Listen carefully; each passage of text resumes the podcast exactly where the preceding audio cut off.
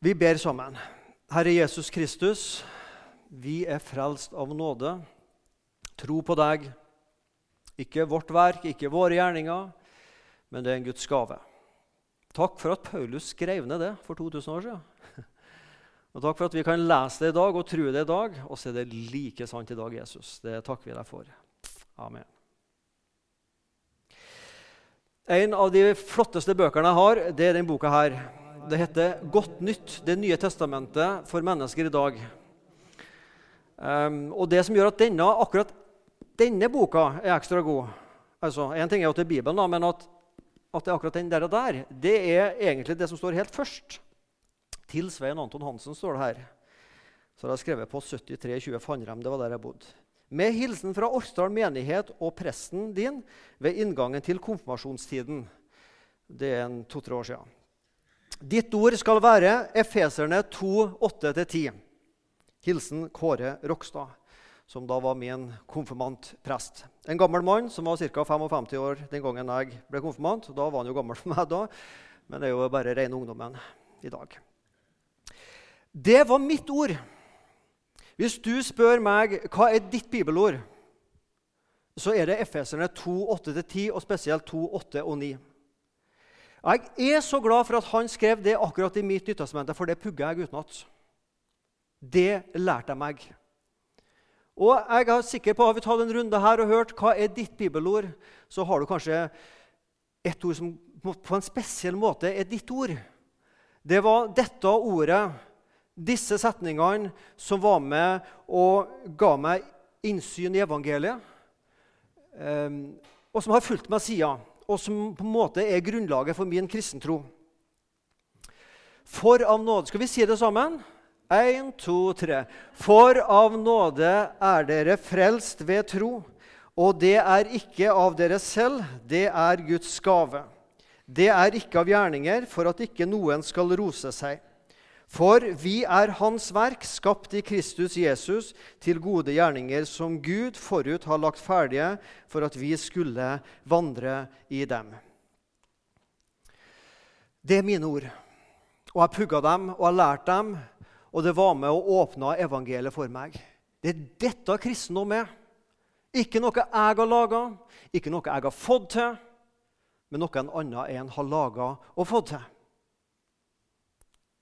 Dette har fulgt meg i konfirmantåret 1980-1981. Og Så gikk det en to-tre år, fire år. Så hadde jeg en opplevelse som er litt artig å tenke på i ettertid. Jeg eh, hadde en sommerjobb en plass, og så var det en times pause midt på dagen. og Da dro jeg hjem for å spise, og så ringte jeg på døra. Og Der sto det to fremmede folk med Bibel i hånd. eh, og så spurte de jeg husker det ordet i dag, er det noen her i huset som har lyst til å høre om det håpet Bibelen har å gi. Og På den tida var det kun meg i huset som hadde lyst til å høre om det. da. Etter som året har gått, så er det flere som har fått det, men da var det meg. Så jeg tenkte ja, det har jeg jo lyst til å høre. Men så tenkte jeg, hvem er det som er på går på døren? Og så hadde jeg hørt at Jehovas vitne var ute og gikk på, på døren. Det hadde jeg jo hørt. Så tenkte jeg, da må jeg spørre ja, hvor er dere fra? Ja, vi er fra Trondheim, sa de. Ja, ja, nå var ikke sånn jeg tenkte, men hva slags menighet? Hva slags, altså, det er jo helt rett det de svarte, for de visste jo ikke hva jeg tenkte. Men jo, vi er fra Trondheim. Nei, men det var ikke sånn. men hva slags menighet er dere fra, spør jeg. Ja, vi gir ut et blad som heter Vakttårnet. Å ja, sa dere Evåsvin. Ja, ja, ok, dere får komme inn. Jeg hadde dem forresten på døra tre-fire år senere. Ikke dem, men noen andre. Da hadde jeg blitt litt mer sånn diskusjonslysten og stridsbar, som jeg var en del år i min ungdom. Så når de da ringte på, så sa jeg og Evås vitne ja, ja, ja, Det står i min bibel at vranglærere skal ikke slippe inn i hus, for hvis du gjør det, så blir du medskyldig i den dom som er over dem. står det jo i 3. Johannes brev, sa jeg. Men vi kan godt stå her på, på, ute på trappa og diskutere, sa jeg. Og det var veldig kaldt den dagen, så jeg angrer nesten på at jeg ikke slapp dem inn. Men det er en annen historie. Men jeg slapp disse inn. Jeg var ca. 16-17 år. Uh, og Jeg husker ikke så mye fra samtalen, men de begynte å forklare om det håpet Bibelen har å gi, om en ny himmel og en ny jord, og, og deres lære. Ja, Det var jo derfor de var ute og vitne om det. naturlig nok. Uh, og Jeg husker ikke så mye hva de sa, men jeg husker at jeg sa Vil dere høre hva som er viktig for meg? Ja, det ville de. Og så la seg disse ordene fra Efeserne 2, 8 og 9. Og Jeg husker ennå at jeg sa noen ord om Guds nåde. Og jeg, så, jeg syns at jeg så på øynene deres at dette var noe nytt for dem. At det går an å være frelst uten å må gjøre mange gjerninger.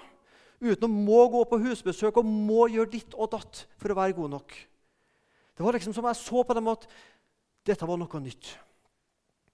Hvordan den diskusjonen endte, husker ikke jeg så mye av, men det var flott for en 16-17-åring å kan vitne om Guds nåde. Efeserne 2 er et flott kapittel. Og Hvis jeg skulle valgt meg et kapittel i Bibelen som tydeligst forklarer et før og et etter i møte med Jesus, hvordan var livet før jeg møtte Jesus, og livet etter jeg møtte Jesus, så var det Efeserne 2. Og Paulus skriver om at før vi møtte Jesus, livet uten Jesus, døde pga. synd, altså åndelig død. Vi levde på verdens vis, vi lot oss lede av den onde, vi fulgte egne syndige lyster og tanker. Vi var vredens barn eller under Guds vrede. Vi var uten Kristus, utestengt, uten håp, uten Gud. Vi levde i fiendskap med Gud og andre mennesker, og vi var fremmede og utlendinger. Det er ord og uttrykk som Paulus bruker i Efeserne 2 når han skal beskrive hvordan det er livet uten Jesus. Og så har han i Efeserne 2 noen plasser dette flotte ordet 'men'. Men. Men av nåde er dere frelst. Men dere er blitt levendegjort. Vi har blitt gjort levende med Kristus, vi er reist opp med Kristus og satt i himmelen. Vi har blitt vist nåde og godhet. Dere har kommet nær til Gud, dere har fått adgang til Faderen. Vi er forsona med Gud og mennesker, fiendskapen er drept, og vi har blitt de helliges medborgere og del av Guds familie. Alt dette er mer eller mindre ordrett fra Efeserne 2. Ta deg tid i dag eller en annen dag og les Efeserne 2 ut fra dette perspektivet. Livet før jeg møtte Jesus, og hvordan livet har blitt etter jeg møtte Jesus Kristus. Så det er det Paulus beskriver, det er overgangen fra livet uten Jesus til livet med Jesus. Og så er det som om Paulus spør hva var det som skjedde. Efesere, hva er årsaken til at dere og jeg har fått et nytt forhold til Gud og Jesus? Skyldes det noe jeg har gjort og efeserne gjorde, eller er det andre grunn? Og så kommer konklusjonen for. Da konkluderer Paulus for. Hør nå. For av nåde er dere frelst. Det er tro, og det er en gave. Det er ikke gjerninger, og det er ikke deres eget verk.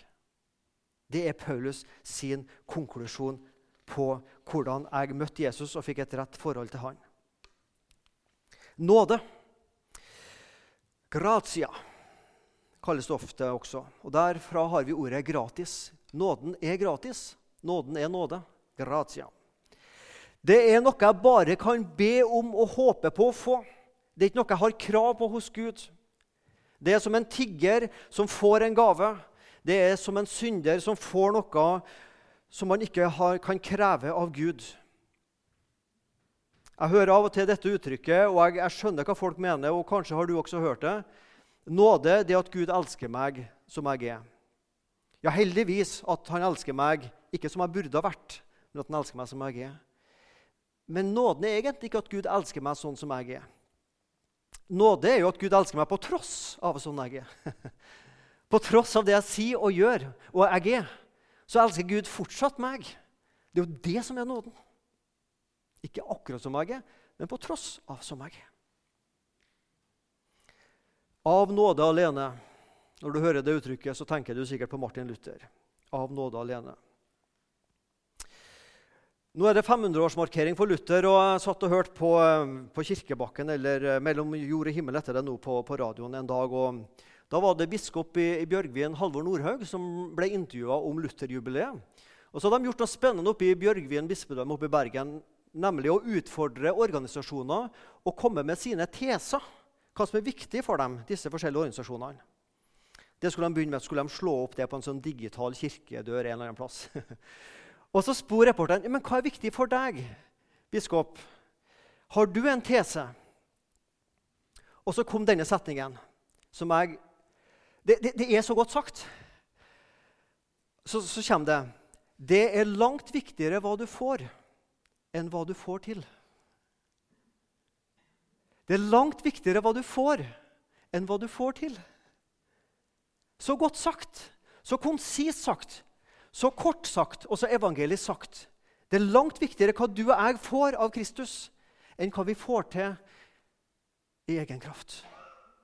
Der har du loven og evangeliet får til, Og hva jeg får? Evangeliet. Å få det nåde, å få til det gjerninga. Det er når Gud tar meg opp til seg og tar meg inn til seg uten at jeg har fortjent det. Av nåde er dere frelst. Ordet, Begrepet 'frelst' kommer fra et gammelnorsk ord som heter 'frihalset'. Der bildet du ser for deg en slave med ei lenke rundt halsen, og så blir man satt i frihet. Man blir frihalsa. Man ble frelst. Man ble løst, løst fra sine lenker. Ikke lenger en slave, ikke at en annen styrer og leder og eier meg. Dvs. Si nå har vi fått en ny eier, Kristus. Ved Guds nåde er jeg satt, og du satt fri fra syndas skyld, fra syndas makt, fra lovens krav på meg og deg sitt liv, på den onde, djevelen sin makt, og fra frykten for døden. Dette har vi satt fri fra. men løyst, som vi sier her i Rogaland. Jeg har lært meg det ordet. Av nåde er dere frelst, satt i frihet. Nå er jeg bundet til Kristus, og jeg er ikke lenger bundet til å må prestere for Gud. Det er ikke ved gjerninga, sier Paulus. Jeg trenger ikke, Paulus vil si du og jeg vi trenger ikke å finne på ting eller gjøre spesielle gode ting og vise fram ting for Gud for å få være Guds barn. Nå skal ikke vi lese Filipperne 3-4-9, men ta det gjerne tid til det. Og Sammenlign Efeserne 2 og Filipperne 3, hvordan godt de glir inni hverandre og overlapper hverandre. For Paulus skriver til en menighet der det var noen som hadde prøvd å bli rettferdige for Gud ved egne gjerninger. Og ha noe å vise fram for Gud. Og så er det som Paulus vil si Skal vi ha en liten konkurranse, folkens? Hvem er det som har mest å vise fram for Gud? Hvis vi skal ha en konkurranse i gode gjerninger, så kommer jeg til å slå dere alle sammen. er det som Paulus vil si. Hvordan kan han si det? Jo, han sier um, jeg er omskåret altså etter loven på den dag. Jeg er av Israels ett. Jeg er av Benjamins stamme, som var en av de høyakta stammene. Jeg er en hebreer. Begge mine foreldre var jøder. Jeg er en fariser i forhold til oppfyllelse av loven. Jeg tok det seriøst. Det var nesten ingen som slo meg i oppfyllelse av loven. Jeg var nidkjær for Gud, så nidkjær at jeg forfulgte alle sammen som var motstandere av den jødiske tro, til og med de kristne. Og jeg var som en sier, jeg var uten feil i min lovoppfyllelse. Kan du tenke deg å si noe sånt? Han var egenrettferdig. Så det er som Paulus vil si. Skal vi ha en liten konkurranse hvem som er, har nok gjerninger for Gud? Jeg kommer til å slå dere alle sammen, sier Paulus. Men jeg har prøvd den veien. Men, men det er ikke vits å prøve den veien. Den har ingen hensikt. Det som før var en vinning for meg, alle disse flotte tinga, det akter jeg nå som tap. Det som skrap, det som søppel, det betyr ingenting. Det som betyr noe nå, det er å eie Kristus og bli funnet i Han med Hans rettferdighet. Jeg har prøvd gjerningens vei, vil Paulus si. Det funker ikke. Så hvis du har tenkt å prøve det, så bare kutt ut, for jeg har prøvd det, og det fungerer ikke. Det er akkurat det Paulus vil si. Ikke ved gode gjerninger. Er gode gjerninger noe galt? Nei, selvfølgelig ikke det. Skulle sikkert hatt mye mer gode gjerninger, jeg, og kanskje du også. Være snill og hjelpe eldre og syke med praktiske oppgaver. Plukke opp litt mer søppel som ligger på gata der jeg går forbi, og gi noe penger til en tigger fra romfolket osv. osv. Gode gjerninger. Ikke noe galt med dem. Ikke ved våre gjerninger. Eller at jeg prøver å leve så godt jeg kan ut for de ti bud. Hvis jeg bare ikke lyver, iallfall ikke så veldig mye, og ikke dreper, det skal vel gå sånn rimelig greit, iallfall i bokstavelig forstand, og så videre og så videre, så jeg er sikkert litt bedre enn de fleste. Jeg kommer liksom på rett side. Sånn kan vi tenke om gjerninga. Men gjerninga kan også være en annen ting. Det kan være vår anger og våre tårer over synda. Å, hvis jeg bare kunne fått angra riktig over synda mi og liksom grene nok over synda mi, hvis jeg bare Gud ser at jeg er så ydmyk nok, så vil Gud bli glad. Så gjerninga kan bli vår anger og våre tårer. Gud, se hvor ydmyk og åndelig jeg er. Eller vi ønsker å vise fram for Gud et vellykka kristenliv. Se hvor flott og kristen familie vi er, og hvor snille og flotte våre unger er. og det lykkes med arbeid og økonomi og, og det ene og det andre, så prøver vi å vise fram for Gud og mennesket hvordan det lykkes for oss. Eller dette ordet 'nok'. Ordet 'nok'. Har jeg bedt nok? Har jeg lest nok i Bibelen? Har jeg tilbedt og lovprist Jesus nok? Har jeg gjort nok gode gjerninger og tjenester i Guds rike? Har jeg gitt nok? Og Dette lille ordet 'nok' det er en sånn slave som ligger i oss og gir oss konstant dårlig samvittighet. For hvem kan si at man har gjort nok? Kan du si det? Jeg kan i alle fall ikke si at jeg har gjort nok. Og jeg har til og med betaling for det, men jeg har ennå ikke gjort nok. Ja. Nei, svaret blir nei. For hvem kan si man har gjort nok? Kan aldri si det. Konstant dårlig samvittighet. Jeg er ikke god nok for Gud. Og det er helt rett, for det er du ikke. Jeg har en dårlig nyhet til deg, men som er egentlig en god nyhet.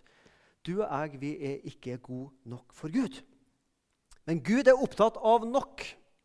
Han er opptatt av at det er nok, det som Jesus gjorde. Jesus er god nok. Korset er godt nok til å forsone Gud og mennesker. Så alle disse forsøkene med åndelige gjerninger eller praktiske gjerninger eller nå skal jeg ta meg sammen og forbedre meg og bli en enda bedre kristen neste år enn jeg er i år. Det skal vi regne som skrap, som tap, som søppel, sier Paulus. For med en gang dette vil bli grunnlaget for din og min kristentro, så forsvinner nåden fra oss.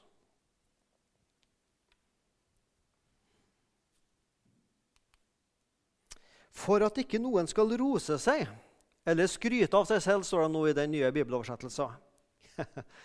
ja, Ingen skal ha noe å rose seg av. For det hadde jo Paulus. Han hadde veldig mye han kunne rose seg av. Men la oss nå gjøre et tankeeksperiment.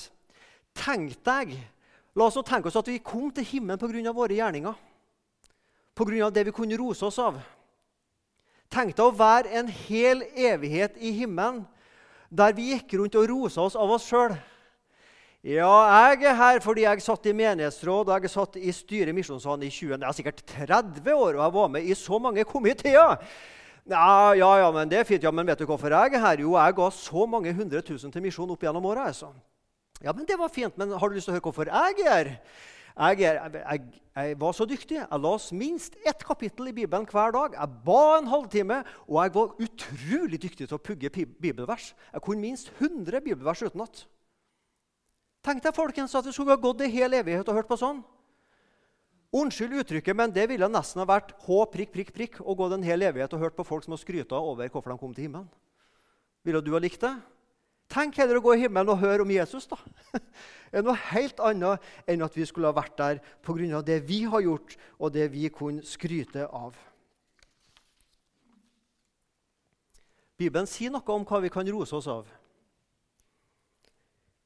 Gud sa til meg, sier Paulus, min nåde er nok for deg.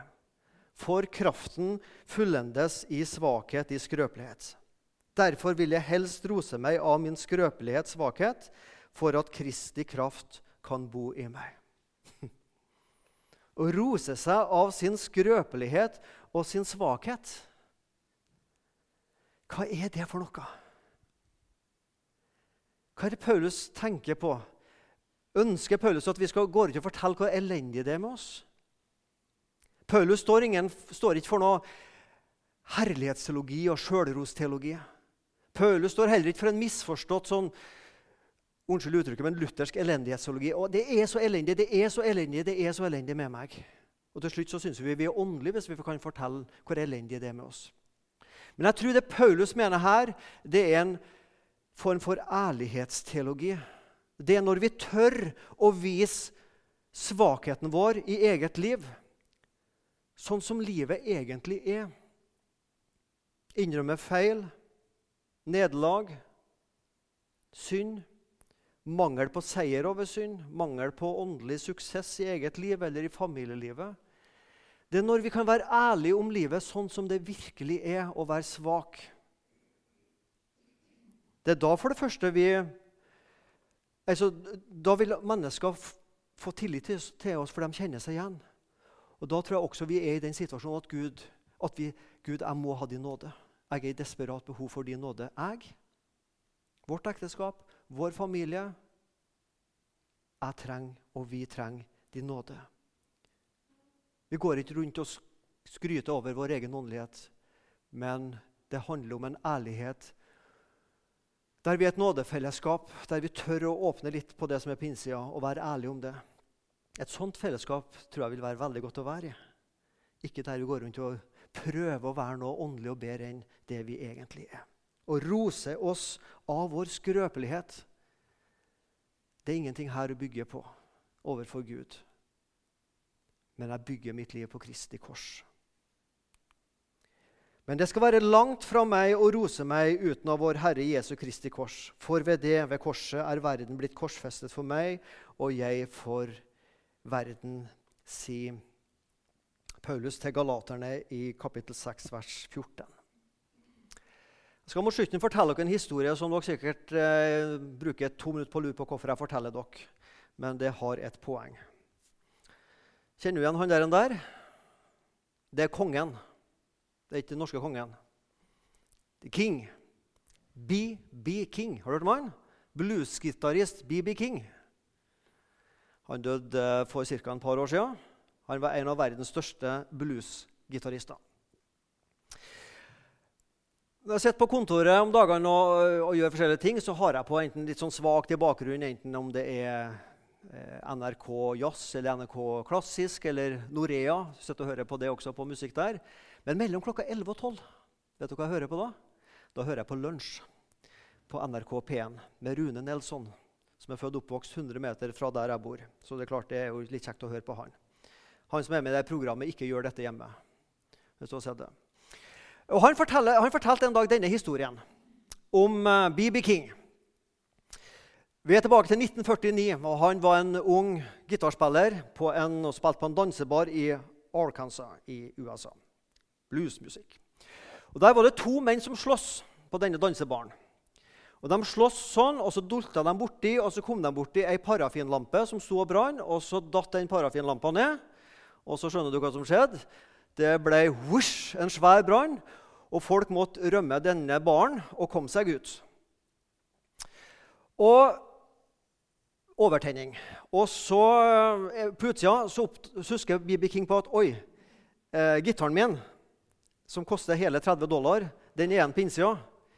Den må jeg få ut. Så han, med livet som innsats så springer han inn, grabber tak i gitaren og kommer seg ut og berger både livet og gitaren sin til 30 dollar.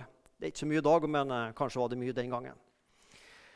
Etterpå så får BB King høre hvorfor denne brannen starta med disse to menn som slåss, og hvorfor de slåss. Jo, de slåss om det som menn før i tida slåss om damer. Det var ei dame som heter Lucille, som begge to ville få tak i.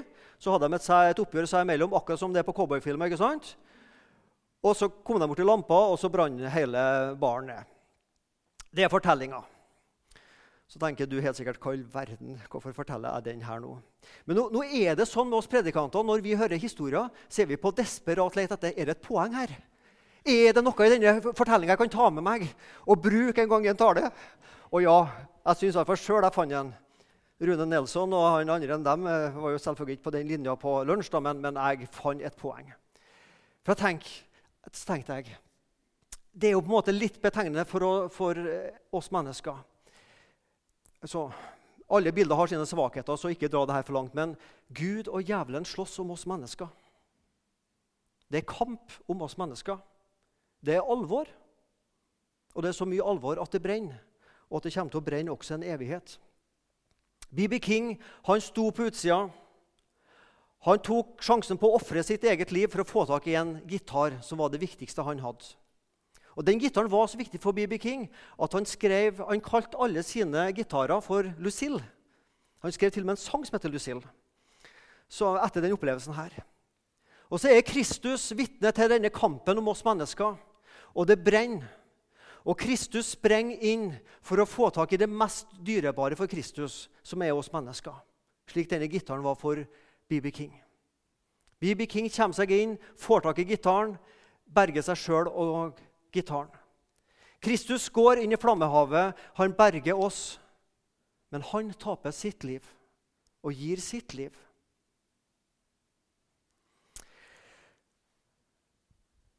B.B. King kalte denne gitaren for Lucille. Mulig at han skrev det navnet også på gitaren.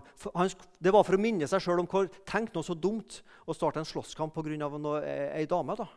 Og så dumt å sprenge inn i en, en brennende bar for å hente ut en gitar når du kan kjøpe en ny en. Men tenk at Kristus ikke tenkte det var dumt å sprenge inn for å redde oss og berge oss, men at han frivillig gikk inn og ga sitt liv så står det en plass i Jesaja Se, i begge mine hender har jeg tegnet deg, dine murer står alltid for meg. Mitt navn er, det er inngravert i Jesu Kristus sine hender. Han ofra seg, og han har skrevet mitt navn i sine hender. Det er nåde. At Gud en gang skrev mitt navn i sine hender og ga sitt liv for å berge meg. Og så er det nåde over nåde at Gud fortsatt lar mitt navn være innskrevet i sine hender, og ikke har strøket meg og deg ut. For av nåde er vi frelst. Ved tro, ikke vårt verk. Det er en Guds gave. Hviler ikke på gjerninga, for at ingen skal gå rundt og skryte og rose seg over sin åndelighet. For vi er Hans verk, skapt i Kristus til gode gjerninger, tilbedelse og tjeneste som Gud har lagt ferdig for oss.